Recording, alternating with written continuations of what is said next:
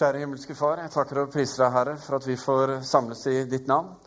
Og takk, Herre, for at uh, vi får lov til å ta imot uh, vitnesbyrd som uh, Audun delte tidligere, Herre.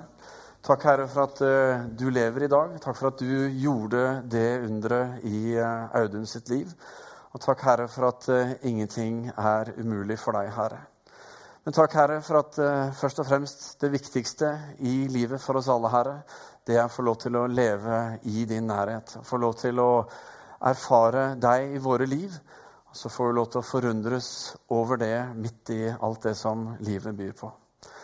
Men Herre, vi ber at du skal eh, tale til oss i formiddag. At du skal la ditt ord, Herre, få plass i våre hjerter, Herre. At vi skal få være åpne og mottagelige og til stede, Herre. Velsigne oss, Herre. Det ber vi i Jesu navn. Amen. Velkommen til eh, gudstjeneste her i Misjonskirken. Mitt navn er eh, Frode Øvergaard, og jeg jobber her i menigheten som hovedpastor. Kjekt å se dere, og kjekt å få lov til å være her sammen med dere. Få lov til å eh, komme sammen synes jeg er godt. Godt å se hverandre, godt å se nye som kommer til. Godt å få lov til å dele tro og opplevelser, og også få lov til å stå sammen med noe felles. At vi har en søken, en lengsel etter mer av Gud i livet vårt, og at vi kan få stå sammen i den lengselen, enten eh, den lengselen begynte i dag morges når du sto opp, eller du har hatt den eh, gjennom et langt, langt liv. Å la Gud være Gud, det er en av de store utfordringene som vi alle har. Gud, han er mye større enn det vi er.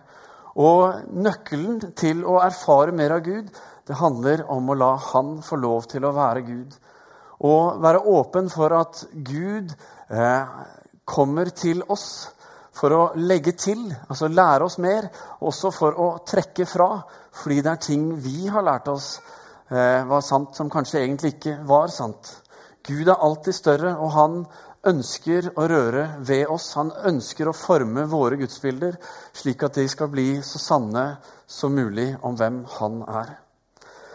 Så hvis du opplever at Gud utfordrer din gudsforståelse, ditt gudsbilde, ja, så ta det imot. Gå den runden, prøv det, og se om ikke Gud ønsker å lære deg noe. Og ta det med inn i den bønnen som vi introduserte for dette året, for 2016, i de to foregående søndagene når vi eh, introduserte den bønnen for året 'La viljen din skje'. En bønn som vi ønsker skal prege oss som menighet og som enkeltpersoner, og som vi utfordrer deg til å ta med deg i din hverdag. Som vi hørte i starten av gudstjenesten, så begynner vi i dag på en ny prekenserie som eh, vi både gleder oss til, og så gruer vi oss til.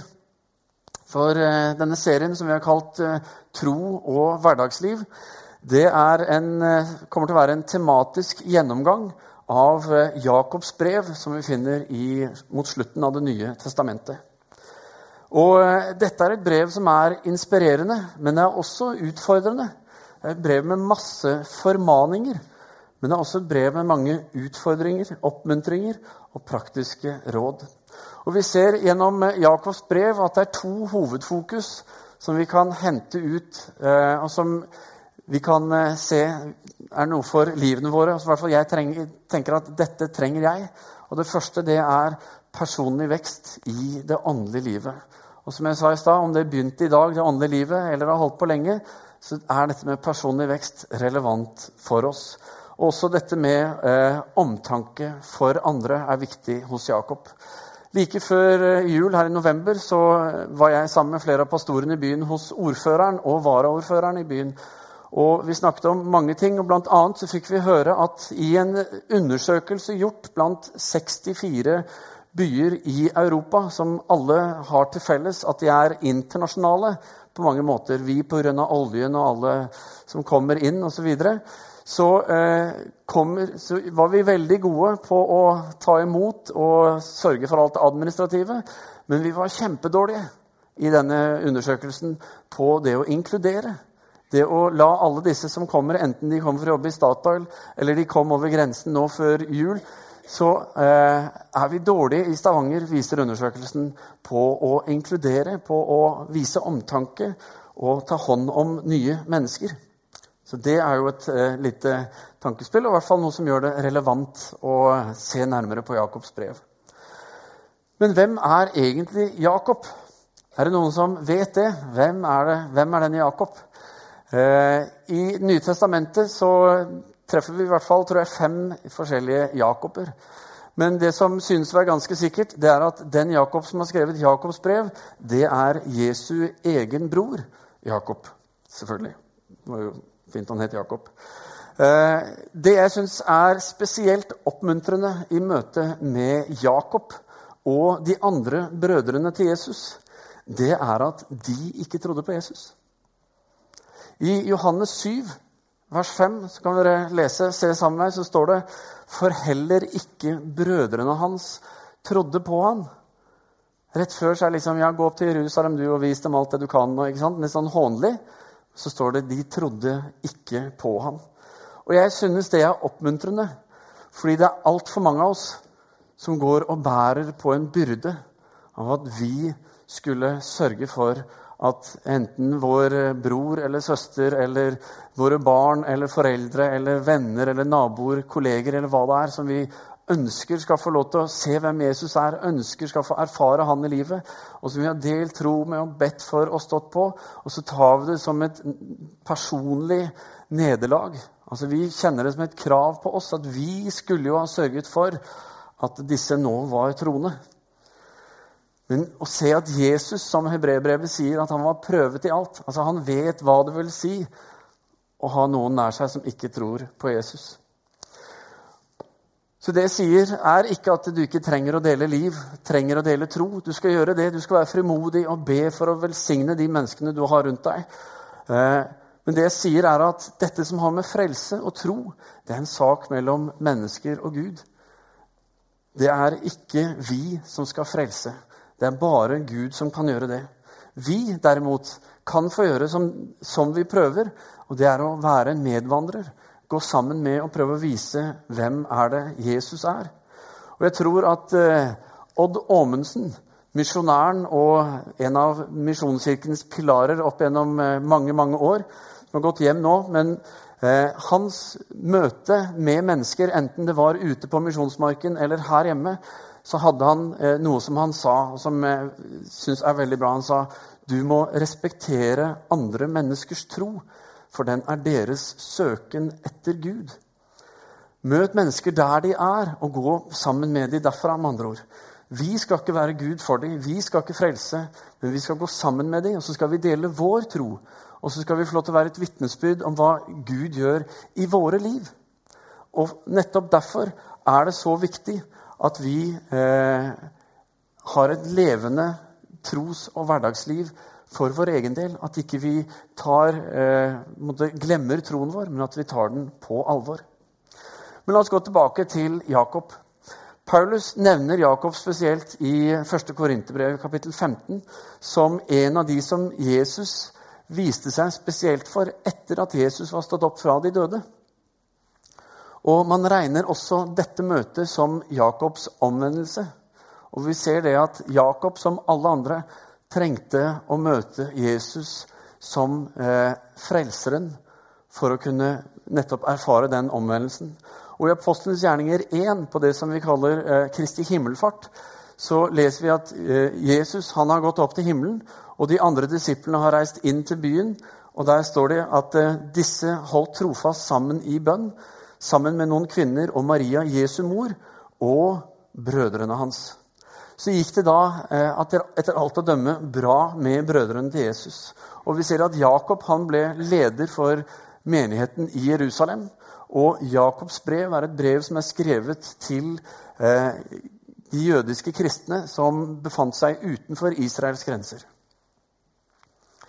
I dag skal vi altså begynne på dette Jakobs brev og gå gjennom det framover mot påske. Det er ikke en vers for vers-gjennomgang, men som sagt en tematisk gjennomgang hvor vi søker å hente ut essensen i dette brevet. Og Dagens tema er altså prøvelser, fristelser, muligheter.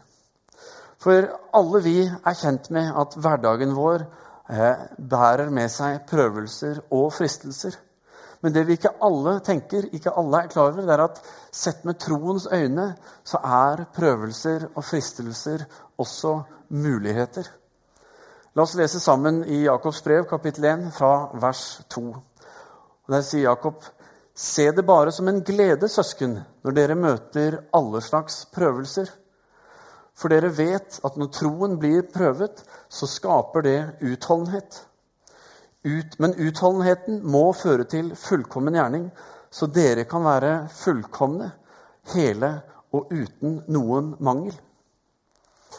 Ordet som eh, er oversatt 'fullkommen' to ganger i denne teksten, og det er et litt sånn skummelt ord, eh, det er det greske ordet 'teleios', som kanskje noen kjenner til, og kanskje til og med gått på teleios-kurs. Men det ordet betyr å være hel, å være fullmoden. Dvs. Si at det som skal vokse fram, har vokst fram. Eh, og det er det fullkommen betyr her, og det er jo egentlig det også Jakob sier. Altså hele og uten noen mangel. Og det får vi lov til å være som kristne. Dette inviteres vi inn i. I 2004 så var det en ung kvinne her i Misjonskirken ved navn Solveig Høgli som en dag kom fra legen med den endelige diagnosen. Solveig, det var det vi fryktet. Du har MS multiple sklerose. Multiple sklerose er en kronisk og ifølge legenvitenskapen en uhelbredelig nevrologisk sykdom som rammer sentralnervesystemet, altså hjernen og ned gjennom ryggmargen. Og så rammer det som oftest kvinner mellom 25 og 45 år. Og gjett om Solveig var 25. Og de vanligste symptomene er nedsatt følelighet, dårlig syn, lammelser og koordinasjonsvansker. Og jeg vet ikke åssen det er med deg, men jeg kjenner at det kniper litt vondt i magen min når jeg tenker på at dette er noe som kan ramme meg eller noen jeg kjenner.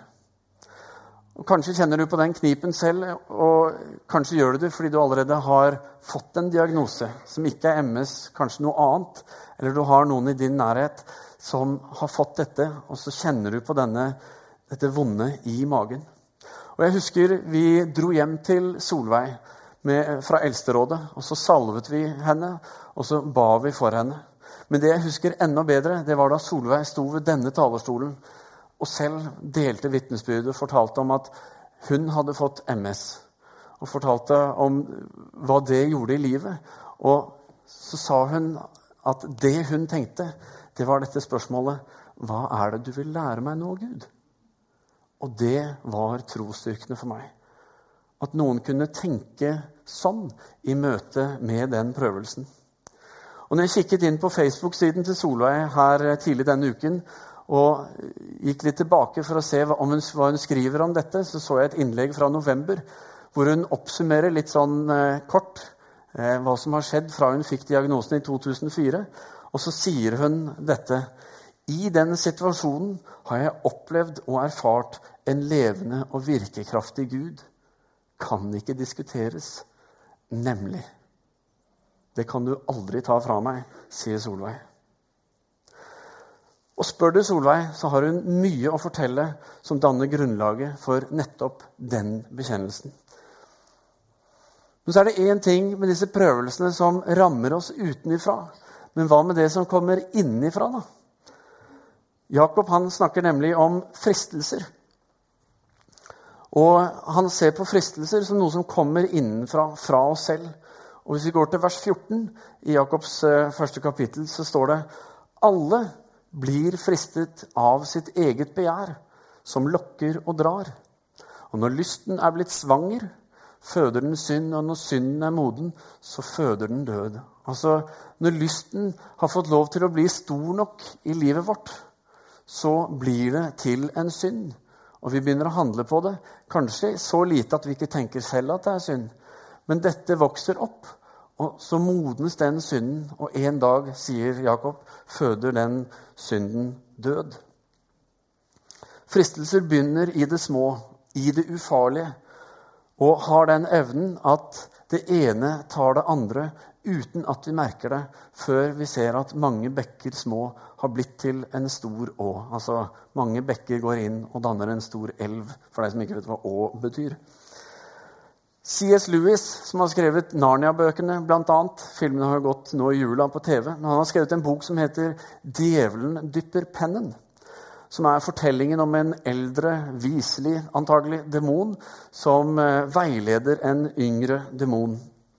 Vi skal lese et lite utdrag fra boken. Og Der sier denne eldre demonen han sier, du vil sikkert si at alle disse er små og ubetydelige synder, som vi nå har snakket om. Og det er liten tvil om at du, som alle andre unge fristere, ønsker å kunne rapportere om spektakulær ondskap. Men husk nå på at det eneste som egentlig betyr noe, er at du lykkes med å skille mennesker fra fienden, altså Gud. Det gjør ingenting om syndene er små, så lenge effekten av dem er at mennesket holder seg borte fra lyset. Mord er ikke bedre enn poker hvis det holder med poker. Faktisk er den sikreste veien til helvete den gradvise, den forsiktige, myke bakken uten noen plutselige kursendringer, uten noen milepæler eller veiskilt som skulle kunne varsle om noe som helst. Hverdagen og troen den utfordres av prøvelser og fristelser. De ønsker å forme tankene våre, forme holdningene våre. De ønsker å utfordre det vi tror og holder for sant. Og så ønsker de å slipe ned troen vår. Se for deg liksom eh, slipemaskinen. Slipe ned troen vår og gjøre Gud stadig mindre, stadig glattere, stadig lettere å komme over. For han blir mindre og mer ubetydelig, ikke sant? Og For mange så rammer prøvelsene og fristelsene de rammer troen vår. Og så endrer de hverdagen vår. Plutselig er ikke Gud så viktig lenger. Eller pga. det som har skjedd i livet vårt, så tenker vi at nei, nå kan jeg ikke gå til kirken lenger. Hva ville de si der? Og så tenker vi Gud, hvorfor gjorde du ikke noe? Hvorfor varslet du meg ikke? Hvorfor stanset du ikke dette? Du kunne jo ha løst dette. Og så blir altfor ofte konklusjonen at det enkleste det er å trekke seg unna. La det ligge. La Gud ligge. Fordi det enkleste er jo ofte det beste, er det ikke det, da? Filmen 'Evan Almighty' er en moderne vri på fortellingen om Noas ark. Gikk også flere ganger i jula. Og Den handler om kongressmannen Evan som får i oppdrag av Gud om å bygge en ark. Noe som selvfølgelig er vanskelig liksom i eh, tettbebygd strøk i Washington i USA. ikke sant? Og så byr det på et vell av utfordringer. For bare det å barbere seg altså, Han skal jo være som Moses. ikke sant? Han skal ha langt skjegg, så hver gang han barberer seg, så vokser det ut med en gang i speilet mens han står der, og resten har skum. ikke sant? Eh, og vi ser at eh, hans tiltrekningskraft på dyr og gjerne da i par, er enorm. Plutselig så har han disse to og to dyrene i bilen, på kontoret, i huset, utenfor huset, i kongressalen når du er på jobb, liksom. Og til slutt så må han jo bare fortelle og si at vet du hva, Gud har sagt at jeg skal bygge en ark. Og det gjør det ikke noe enklere. Og det ender med at kona til slutt tenker at nå har det gått helt fra skaftet. Nå har det rabla for den. Jeg tar med meg mine tre sønner, og så reiser vi til, til min mor, og så finner vi ut av dette. Og i hennes fortvilelse, i hennes bønn til Gud inn i dette, så kommer Gud bokstavelig talt til henne. Og vi skal se det klippet sammen på veggen her nå.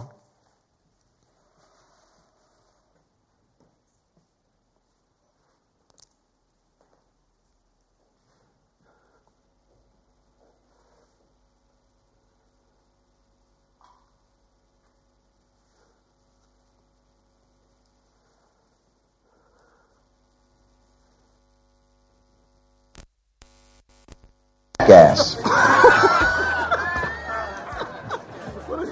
Oh, he's a mope. Jerks. Don't worry about it, guys. Come on, eat up. Not hungry. Yeah, me neither. You guys can't eat, I can't stop. Can we go to the bathroom? Me too. Okay, Dylan, go with them. Please. Fine. Oh, excuse me. Can I get a refill, please? Coming right up. Excuse me. You are you all right? Yeah. No. It's a long story. Well, I like stories. I'm considered a bit of a storyteller myself. My husband? You heard of New York's Noah? the guy who's building the ark. That's him. I love that story. Knowing the ark. You know, a lot of people miss the point of that story. They think it's about God's wrath and anger. They love it when God gets angry. What is the story about then, the Ark? Well, I think it's a love story about believing in each other. You know, the animals showed up in pairs. Mm-hmm. You know, they stood by each other, side by side, just like Noah and his family. Everybody entered the ark side by side. But my husband says God told him to do it. What do you do with that? Sounds like an opportunity. Let me ask you something. If someone prays for patience, do you think God gives them patience? Or does he give them the opportunity to be patient? If they prayed for courage, does God give them courage, or does he give them opportunity to be courageous? If someone prayed for the family to be closer, do you think God zaps them with warm, fuzzy feelings? Or does he give them opportunities to love each other? I gotta run. A lot of people to serve. Enjoy.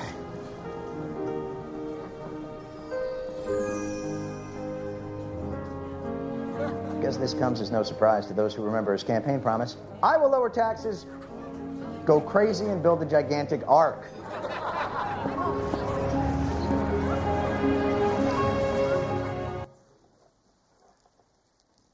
Enten vi rammes av ytre prøvelser eller indre fristelser, så er disse mer enn bare noe ondt som vil ødelegge for hverdagen og for troen.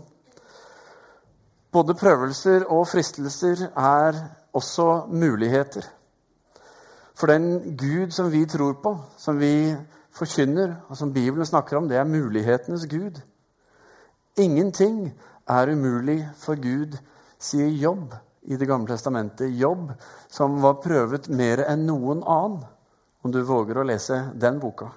Og Jesus sier i Matteus 17, så sier han, 'Sannelig, jeg sier dere', om dere har tro som et sennepsfrø, så kan dere si til dette fjellet, 'Flytt deg herfra og dit', og det skal flytte seg, og ingenting skal være umulig for dere. Det handler om tro. Det handler ikke nødvendigvis om store mengder av tro. Men eh, tro som et lite sennepsfrø holder. Og Var der forrige søndag, så så du bildet. Knøttlite, et par millimeter på det meste. Men når dette frøet blir lagt i jord og får vokse opp, så sier Jesus at det blir den største hageveksten. Jakob utfordrer oss til å vende oss til, altså snu oss bort til å komme til mulighetenes Gud. Nå kaller ikke Jakob han for mulighetenes Gud, men han sier tydelig at når vi velger Gud i møte med våre prøvelser og fristelser, så vil vi også seire over dem. Å seire det handler ikke om at min vilje skjer. Det tror vi veldig ofte. I så fall, hvis det var det det handlet om, så ville vi ikke ha noen prøvelser. De ville jo forsvinne med en gang de kom. Men det å seire, det handler om å få lov til å leve nær til Gud. Og få lov til å ha kontakt med Han, slik at hans vilje kan få lov til å skje. På tross av prøvelsene og fristelsene som vi står overfor. Vi forstår ikke alltid Guds veier. Vi forstår ikke alltid hvorfor noen ikke blir friske, hvorfor noe går sånn. Hvorfor Gud tillater det ene og det andre. Men det vi blir spurt om, og som Gud utfordrer oss på, og som Jakob utfordrer oss på, det er å tro på Gud og ha tillit til Han. At Han vil bære oss gjennom dette. Faktisk så sier Jakob, og vi leste det i stad fra vers 2, så sier han Se prøvelsene bare som en glede. Se prøvelsene som en glede. Den er utfordrende. Leser vi om de første kristne fra apostlenes gjerninger, og Jakob var jo en del av denne gjengen, så eh, ser vi denne holdningen i action. Etter at eh, apostlene var blitt fengslet fordi de gikk rundt og forkynte Jesus. Eh, og mens de var i fengsel, så ble det diskutert om de skulle gjøre av med dem, altså drepe dem. Så ser vi at eh, de slapp unna med å bli pisket og få et forbud mot å forkynne videre.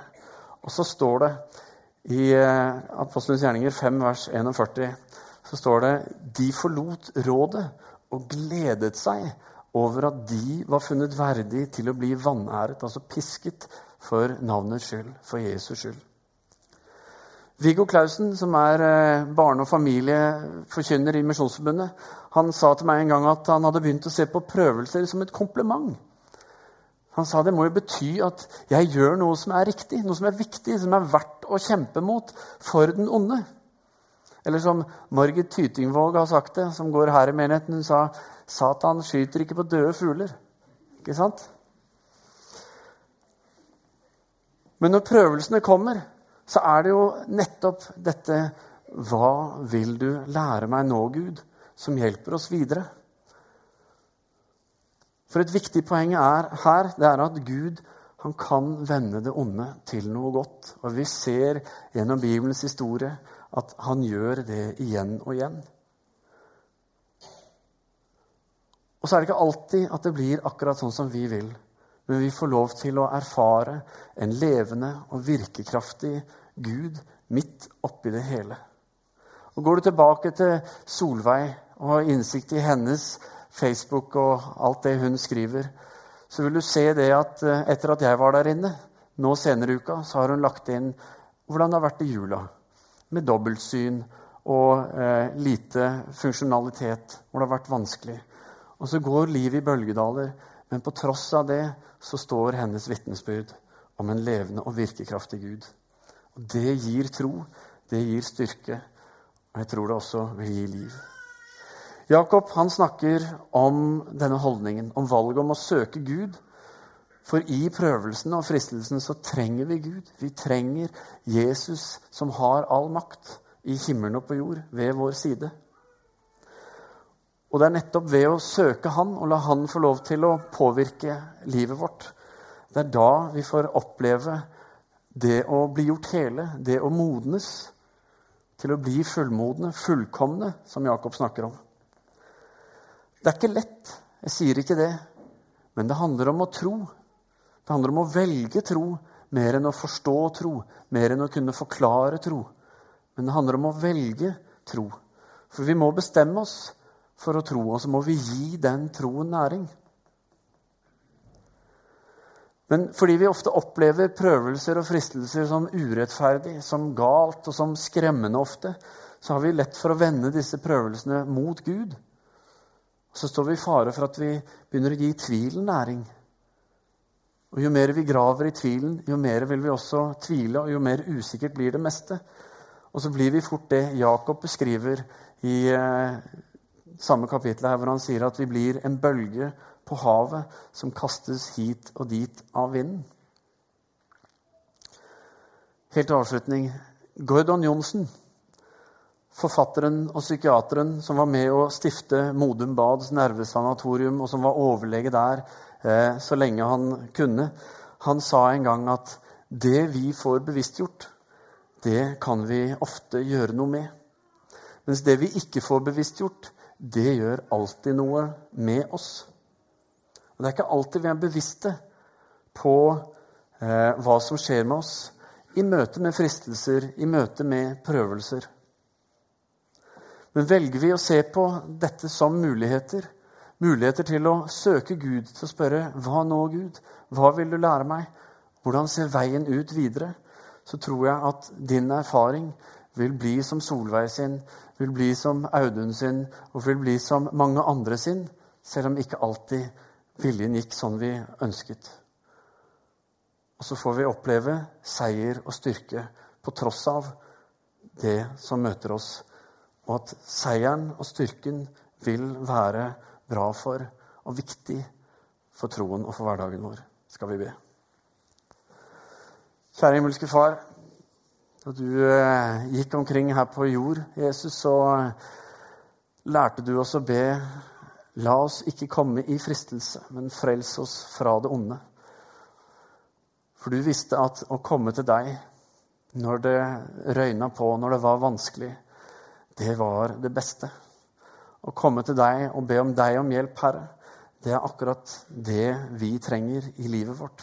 I vår tro og i vår hverdag. Og Herre, takk for at vi kan lese i ditt ord om hvordan vi kan stå rustet i dette. Både gjennom å velge, men også å vite hva du har gitt oss. Paulus snakker om Guds fulle rustning. At vi får lov til å kle oss med en rustning, en åndelig rustning, med sannhetens belte, med rettferdighetens brynje, med fredens evangelium som sko på føttene, med troens skjold. Et skjold som gjør at vi ikke bare kan stå imot, men vi kan slukke alle fiendens brennende piler. At vi får ta på oss frelsens hjelm, som skal få lov til å forme våre tanker og det vi ser og hører og sier og føler. At vi også skal få lov til å stå med åndens sverd, som er ditt ord, Herre. Ditt ord som er levende og virkekraftig, og som kan utrette hva det vil, Herre, om vi slipper det til i våre liv. Så Herre, takk for at du har gitt oss så mye som vi får lov til å ta i bruk, Herre. Så får vi søke deg og oppleve nettopp dette. Og jeg ber, Herre, for alle som står i prøvelser nå, Herre, at de skal få lov til å eh, kjenne styrke, Herre, i forhold til å søke deg. At de skal få kjenne på en ny tro og en ny vilje, Herre. Og så takker jeg Herre for at du er med alle som har vært gjennom prøvelser, enten det gikk bra eller det gikk dårlig. Eh, men takk, Herre, for at underveis så var du med, Herre. Og jeg ber Herre om at vi skal få se det enda tydeligere, Herre. At ikke vi skal bli skremt, at ikke vi skal bli mismodige og tilbaketrukne, men at vi skal få lov til å stå fram med en sikker tro, Herre, på deg. Du som er himmelens og jordens skaper. Du som er allmektig, du som har blitt menneske, som har tatt bolig midt iblant oss, som kommer oss i møte, Herre, med nåde, med frelse, som ønsker, Herre, å bære oss gjennom prøvelser, gjennom fristelser og gjennom livets utfordringer. Kom du, Herre, kom oss i møte, og la oss få se enda mer av deg, Herre. Vi ber i Jesu navn. Amen.